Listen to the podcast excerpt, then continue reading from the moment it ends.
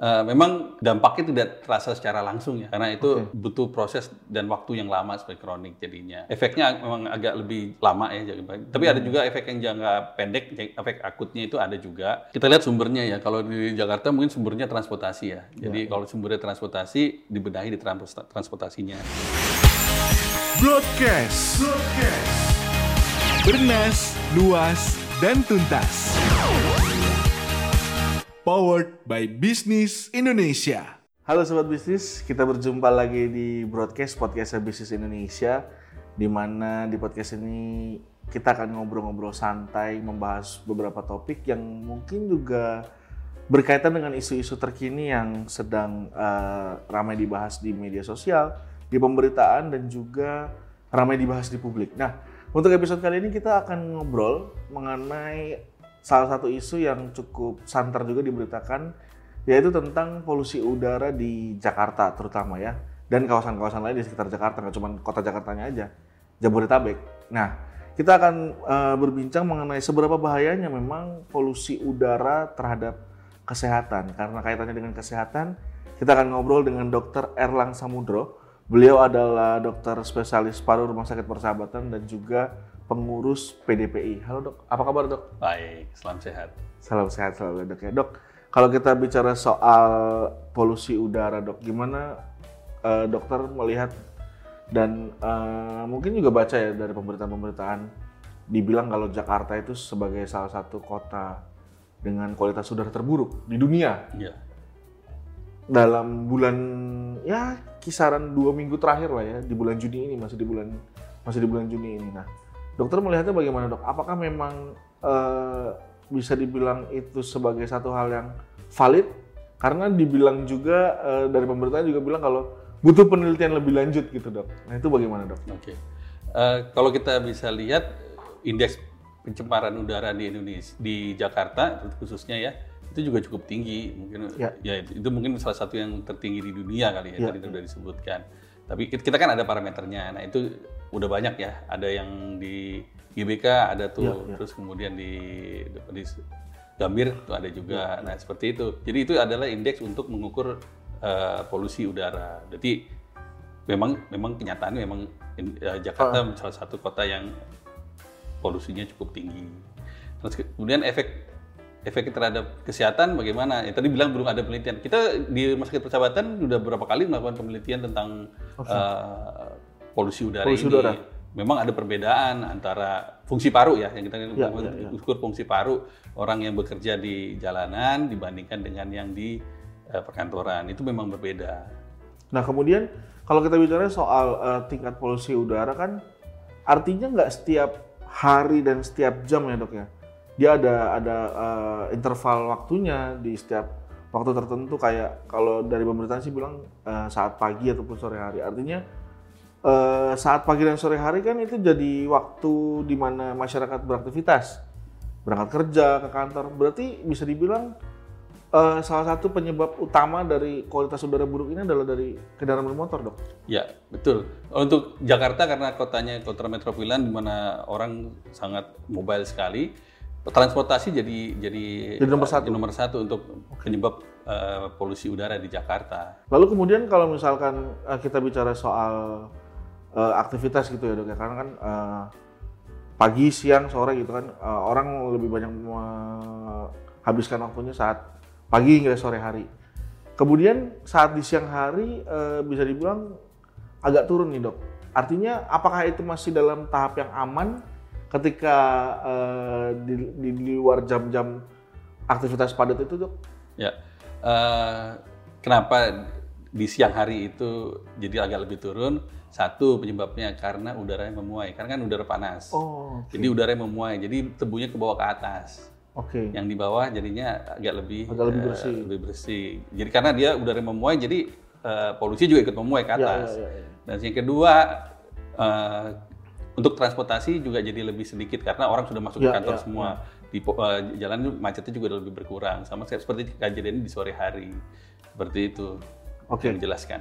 Kemudian uh, kalau tadi bilang uh, dokter bilang sudah ada penelitian lebih lanjut dari uh, rumah sakit persahabatan mengenai tingkat polutan udara dan dampaknya terhadap paru-paru.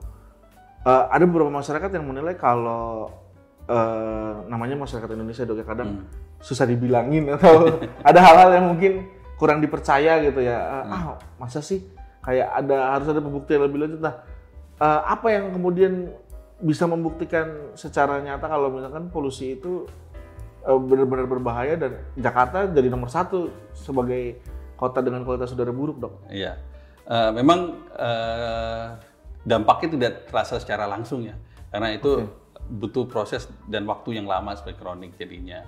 Tapi beberapa penelitian bahkan menghubungkan dengan tingkat uh, usia ya, tingkat tingkat okay. uh, eh, apa namanya lamanya hidup. Uh-huh. Jadi uh, itu berkaitan dengan dihubungkan dengan polusi udara. Di kota-kota yang berpolusi udara cukup tinggi itu uh, angka harapan hidupnya lebih rendah dibandingkan yang uh, bukan di bukan yang daerah yang polusi udaranya lebih rendah. Artinya dari situ aja udah bisa ketakar ya dok ya? Iya. Kalau misalkan memang uh, Jakarta karena memang aktivitasnya banyak, terus juga kendaraannya banyak dan di situlah makanya memicu untuk uh, tingkat kesehatannya terutama dari segi paru-paru ya dok ya? Iya dari segi paru-paru. Jadi uh, efeknya memang agak lebih lama ya.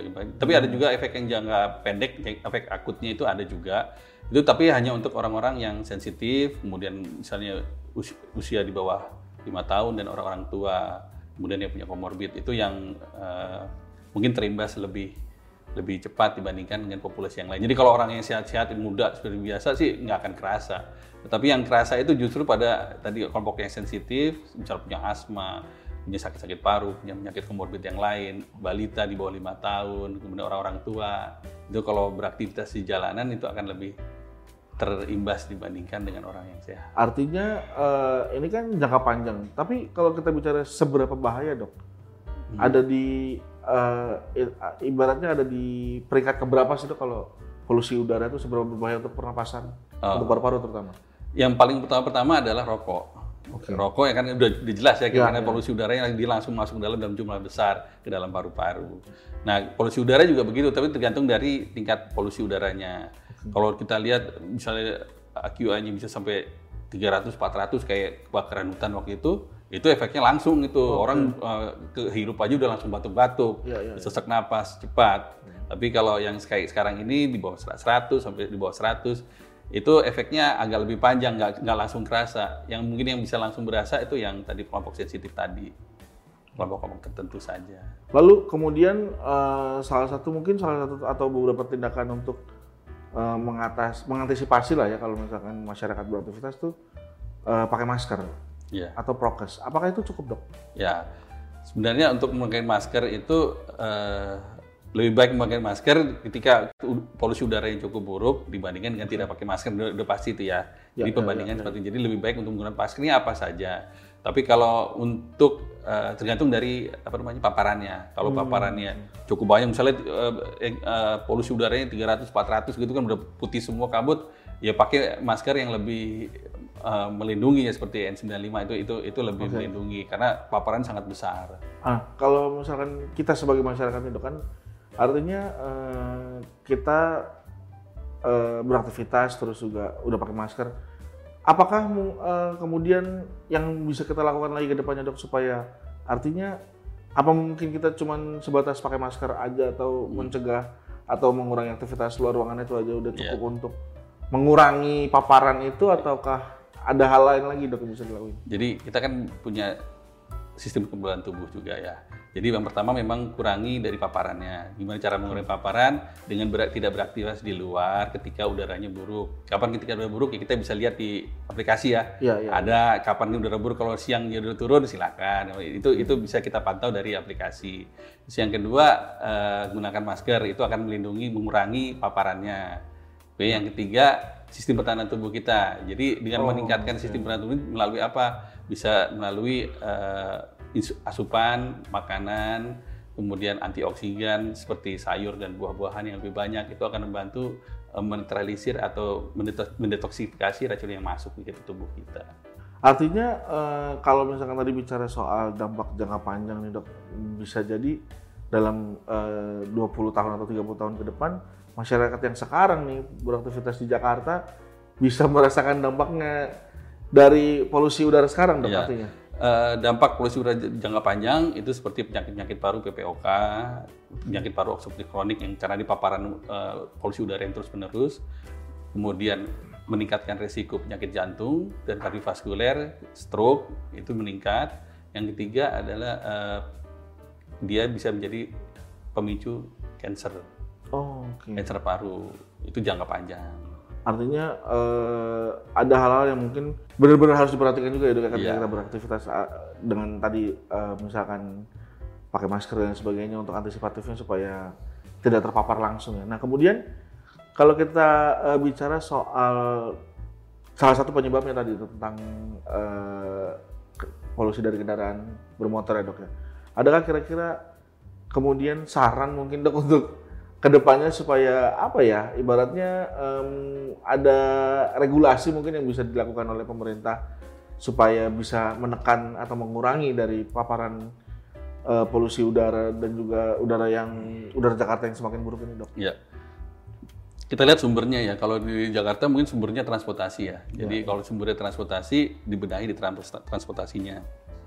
Kalau transportasi umum jadi lebih baik, itu kan akan mengurangi polusi udara sehingga penggunaan uh, transportasi yang menjadi lebih berkurang uh, mobil-mobil yang ada di jalanan.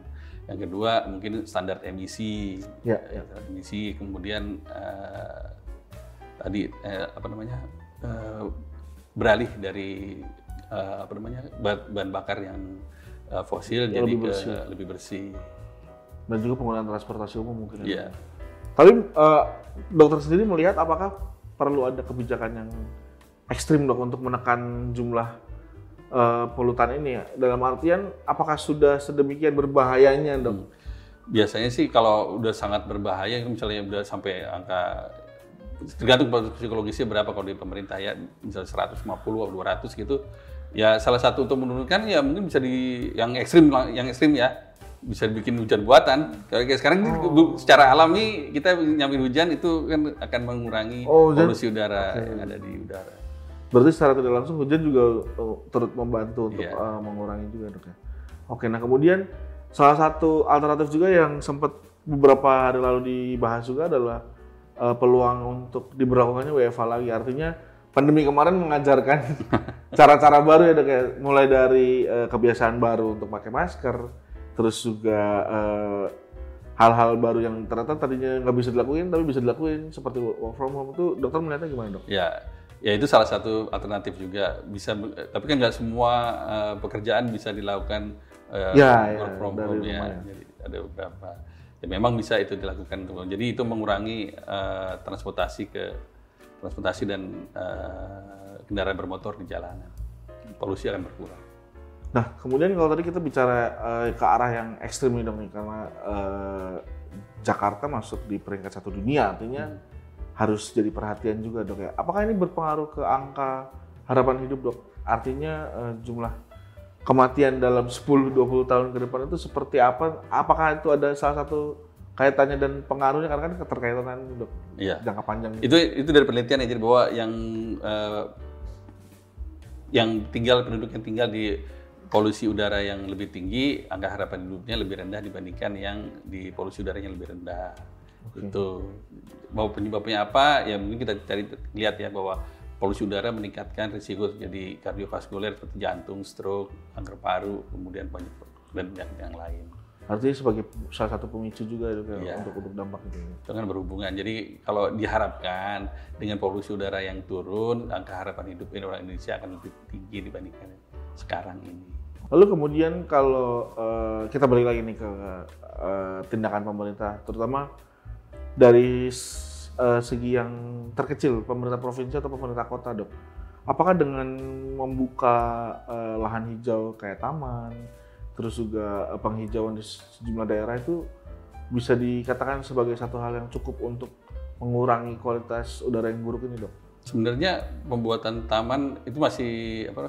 eh, ruang terbuka hijau itu sebenarnya hanya melindungi yang ada di ru- ruang hijau itu. Tapi kalau Oh, di udaranya, itu kalau di udaranya tetap tetap. Jadi yang paling harus ditekankan di sini adalah mengurangi eh, transportasinya itu. Oh, berarti Di- artinya mengurangi- penyebabnya ya, penyebabnya. bukan bukan menang bukan membuka de- eh, mungkin bisa mengurangi dengan dengan membuka eh, ruang terbuka hijau tapi tidak se ekstrim ketika Iya. benar-benar ditekan jumlah polutannya dok ya. Ya, jumlah polutan ditekan itu akan lebih jauh lebih bermakna dibandingkan tadi pembukaan lahan hijau.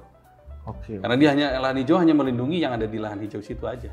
Kemudian eh, kalau misalkan selain itu tadi ya eh, cara-cara tadi ya ya kayak eh, dengan memakai masker terus juga eh, mengurangi aktivitas saat jam-jam ramai. Ada hal-hal juga yang disebut eh, di sosial media nih dong nih dengan minum-minuman atau eh, minuman kayak rempah-rempah gitu dok itu bisa menyehatkan tubuh kayak gitu-gitu. Ya. Kalau dari segi kesehatan sendiri gimana sih dok? Ya tadi saya udah bilang kan salah satunya adalah asupan. Asupan itu tadi eh, antioksidan. Untuk karena kita tubuh punya sistem ke- eh, untuk menetralisir semua dampak dari racun yang ada di luar tubuh kita terus kita detoksifikasi. Itu ada sistemnya. Nah, salah satu untuk meningkatkan sistem itu tadi adalah dengan menggunakan antioksidan. Rempah-rempah juga merupakan antioksidan. Jadi itu eh, Air kelapa gitu dok juga. Hampir banyak yang mengandung antioksidan, terutama buah, sayur, Oh, kemudian tadi rempah-rempah juga. itu.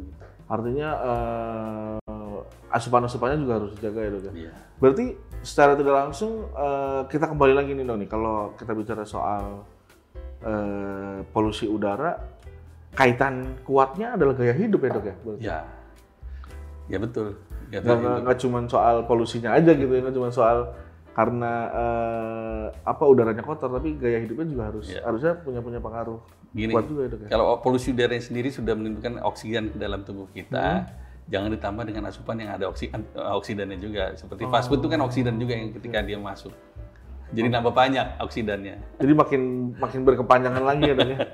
Oke oke oke. Nah kemudian eh, kalau dari segi kesehatan sendiri tadi selain eh, artinya menjaga gaya hidup, terus juga eh, aktivitas dok. Kalau dari segi aktivitas olahraga dan juga dan dan aktivitas yang misalnya eh, jogging kayak gitu-gitu kan. Hmm. Ketika kita misalnya olahraga tapi ada di udara yang kotor gitu juga dok. Misalkan kalau hari Minggu kan ya eh, itu bisa dibilang nggak ada kendaraan lah ya. Ya, jadi Tapi kalau baik. kita sempatnya di hari kerja nih dok nih kayak Nah, pulang kerja ah pengen eh, jogging lah ke Senayan misalkan gitu dok. Itu kan tapi kan kawasan itu juga berpolusi. berpolusi juga gitu. Itu gimana dok ngeliatnya dok? Ada beberapa penelitian yang menyebutkan bahwa eh, beraktivitas olahraga eh, di kondisi apa namanya polusi udara itu ada timbal balik, ada namanya kita ngomongnya break even point.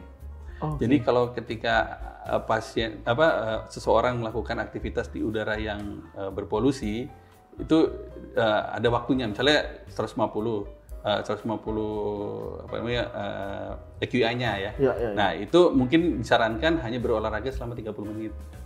Oh, Misalnya hanya, hanya berjalan kaki, tidak berlari. tidak yang Tidak. A- Itu ada, ada hitungannya. Jadi dia tuh ada kurvanya dan itu bisa di sini nggak ada sih, ada- tapi ada tuh penelitiannya tentang itu bahwa disarankan untuk eh, tidak terlalu lama untuk di udara itu. Karena eh, benefit dari olahraganya itu Akan hilang. kerugian akibat polusi udara akan lebih tinggi dibandingkan benefit dari olahraga. Oh, oke, itu itu ada ada ada imbal baliknya. Ada ada hitungannya. Dan eh, di be- di polusi udara seberapapun aktivitas berolahraga akan memberikan hasil yang lebih baik dibandingkan dengan kerugian akibat polusi udaranya. Oh, Tapi ada waktunya ya, ada ada ada waktunya. interval waktunya. Ada interval waktunya. Jadi misalnya cuma misalnya di bawah, eh, di bawah 100 bisa 1 2 jam nggak masalah. Oke oke. Uh, cycling atau mau uh, lari itu nggak masalah. Sekitar 150 sampai 200 misalnya setengah jam aja sampai dengan satu jam dengan berjalan kaki itu juga nggak masalah. Oh, oke. Ada ada ininya, ada apa uh, hitungannya sebenarnya. Oke, artinya kan itu jadi satu kekhawatiran juga ya, ya. karena kan kita hidup di kota Jakarta, terus eh, ternyata baru sempat olahraganya pas pulang kerja nih. Iya. Nah itu lagi rame-ramenya, rame-ramenya orang eh, berlalu lalang di sekitaran kota Jakarta juga. Ada satu lagi bahwa berolahraga di tempat yang tertutup, Itu misalnya di bawah lindungan pohon di dalam taman yang ter- terlindungi, itu lebih baik polusi udaranya akan lebih berkurang dibandingkan dia di udara yang terbuka di pinggir Oh, jalan. Oke, oke. Nah, itu jadi salah satunya kenali dulu apa namanya AQI-nya berapa, Ah, ah, polusi indeks polusinya berapa, baru kita akan mela- melakukan aktivitas di luar. Nah, ketika tinggi kita perlu strateginya lagi untuk menguranginya. Salah satu menggunakan masker, kemudian eh, berolahraga di ruangan yang lebih tertutup, misalnya di taman yang eh, rimbun, itu akan lebih mengurangi dibandingkan di pinggir jalan. Seperti itu. Oke. Terus waktunya juga dipilih. Ka- Hmm. eh, biasanya kan eh, kalau justru sebenarnya malam tuh udaranya kan eh, lebih dingin ya. Lebih dingin ya? Lebih dingin itu udara akan balik lagi ke bawah lagi. Nah itu justru polusi udara juga akan tinggi ketika yang yang Oh. ini jadi lebih banyak. Iya karena em, udaranya berkurang karena memuai, tapi ketika malam akan balik, balik lagi. Oh, Jadi lebih berpolusi lagi. artinya kalau misalkan kita olahraga di malam hari nggak direkomendasikan dok? ya? Eh, lihat polusinya jumlah polusinya dulu. Kalau itu memang tidak bisa di- lebih baik di dalam ruangan. Lebih baik di dalam ruangan dibanding di luar ruangan dan di pinggir jalan. Ah, iya. Oke oke. Tapi kalau misalkan di area kayak eh, dia sepi-sepi tertutup gitu masih aman Masih lah ya, ya? aman. Oke, GBK juga ada kan hutannya itu. Iya, di iya, hutan iya, juga bisa. Di, di hutan GBK ya. Tapi yang tidak direkomendasikan adalah di pinggir jalan. Pinggir Artinya jalan. bersepeda eh, di pinggir Jalan. jalan saat lagi macet itu justru, Justru malah banyak lebih baik. Nggak, nggak, nggak lebih baik, jadi lebih buruk dibandingkan lebih buruk dibanding. Oh oke oke. Kemudian eh, kalau misalkan kita bicara soal nyambung ke tadi dok olahraga. Kalau misalkan olahraga saat malam hari bener nggak sih dok paru-paru akan bekerja lebih keras? Karena kan eh, dibilangnya jangan olahraga itu tidak disarankan di malam hari dok. Kalau di malam hari itu kan eh, in- intinya udara itu mengandung air lebih banyak, jadi lebih padat dibandingkan dengan yang sebelumnya. Jadi eh, hidrasi untuk ini jadi lebih banyak, dahak juga kan lebih banyak juga. Oh gitu. Berarti memang tidak disarankan olahraga malam hari dok. Terus dulu tadi polusi yang tadi. Polusinya jadi lebih polusi lagi. eh, polusinya lagi lebih banyak karena udaranya kan balik lagi jadi tadi memuai jadi Hmm. balik lagi dalam jadi masuk polutannya juga ikut masuk ke dalam Oh, Tapi kalau misalkan kita olahraganya di dalam ruangan gitu ya nggak masalah nggak masalah. Nggak masalah. Berarti waktu malam, siang, pagi hari tuh nggak nggak nggak nggak nggak ada kaitannya dengan ah, paru-paru tadi dok. Iya. Oke. Untuk paru-paru. Sejumlah olahraga berat misalkan kayak eh, futsal, badminton kan kadang-kadang kita baru sempet tuh malam hari tuh dok. Itu kan lumayan berat ya, lumayan memicu micu apa micu paru-paru, micu jantung juga gitu. Itu dokter ngeliatnya gimana kalau misalkan di luar di luar kita bicara soal polusi tadi ya dok ya? Hmm. Itu apakah disarankan dok olahraga malam dengan yang lumayan berat kayak gitu? Tergantung dari ini seseorang ya. Jadi kalau olahraga pada malam hari sebenarnya nggak dilarang, nggak nggak ada masalah. sebenarnya. Tapi eh, nanti berpengaruh ke irama irama sirkadian kita. Jadi ketika dia kita melakukan olahraga, jadi kan energinya jadi naik ya. Nanti jam tidurnya juga akan geser. Oh. Yaitu jadi kayak akan lebih eh, jam tidurnya akan lebih lama, lebih malam, kemudian jadi waktu tidurnya jadi lebih pendek. Berpengaruh kesehatan. Oh, Tadinya emang harusnya istirahat karena udah capek di ini diganti dengan aktivitas yang lebih. Ini kan ngegeser semuanya. Jadi nanti untuk tidurnya juga akan jadi lebih lama. Kemudian eh, waktu tidur jadi lebih sedikit. Jadi pemulihan eh, tubuh kita jadi lebih sedikit. Oh, Karena tidur kan penting. Oh berarti artinya eh, pemilihan jam olahraga itu juga salah satu ya tadi balik lagi ke tadi ya ke, ke gaya hidup juga ya dok ya. Iya. Oke deh kalau gitu. Oke dok terima kasih banyak untuk ngobrol-ngobrolnya dok. Iya. Semoga bisa eh, jadi insight baru untuk sobat bisnis dan mungkin tadi balik lagi ke soal eh, pencemaran udara dan juga kualitas udara di Jakarta ya dok ya. Karena udaranya di Jakarta jadi yang nomor satu di dunia terburuk. Artinya kita juga harus antisipatif untuk supaya me- eh, mencegahnya gitu ya dok ya. Dengan tadi ya dengan apa tuh namanya eh, memakai masker terus juga eh, menjaga gaya hidup juga gitu ya. Menjaga asupan juga gitu ya dok ya. Oke terima kasih banyak dok untuk Iya. ngobrol-ngobrolnya terima kasih juga untuk sobat bisnis yang sudah menyaksikan. Sampai jumpa di episode berikutnya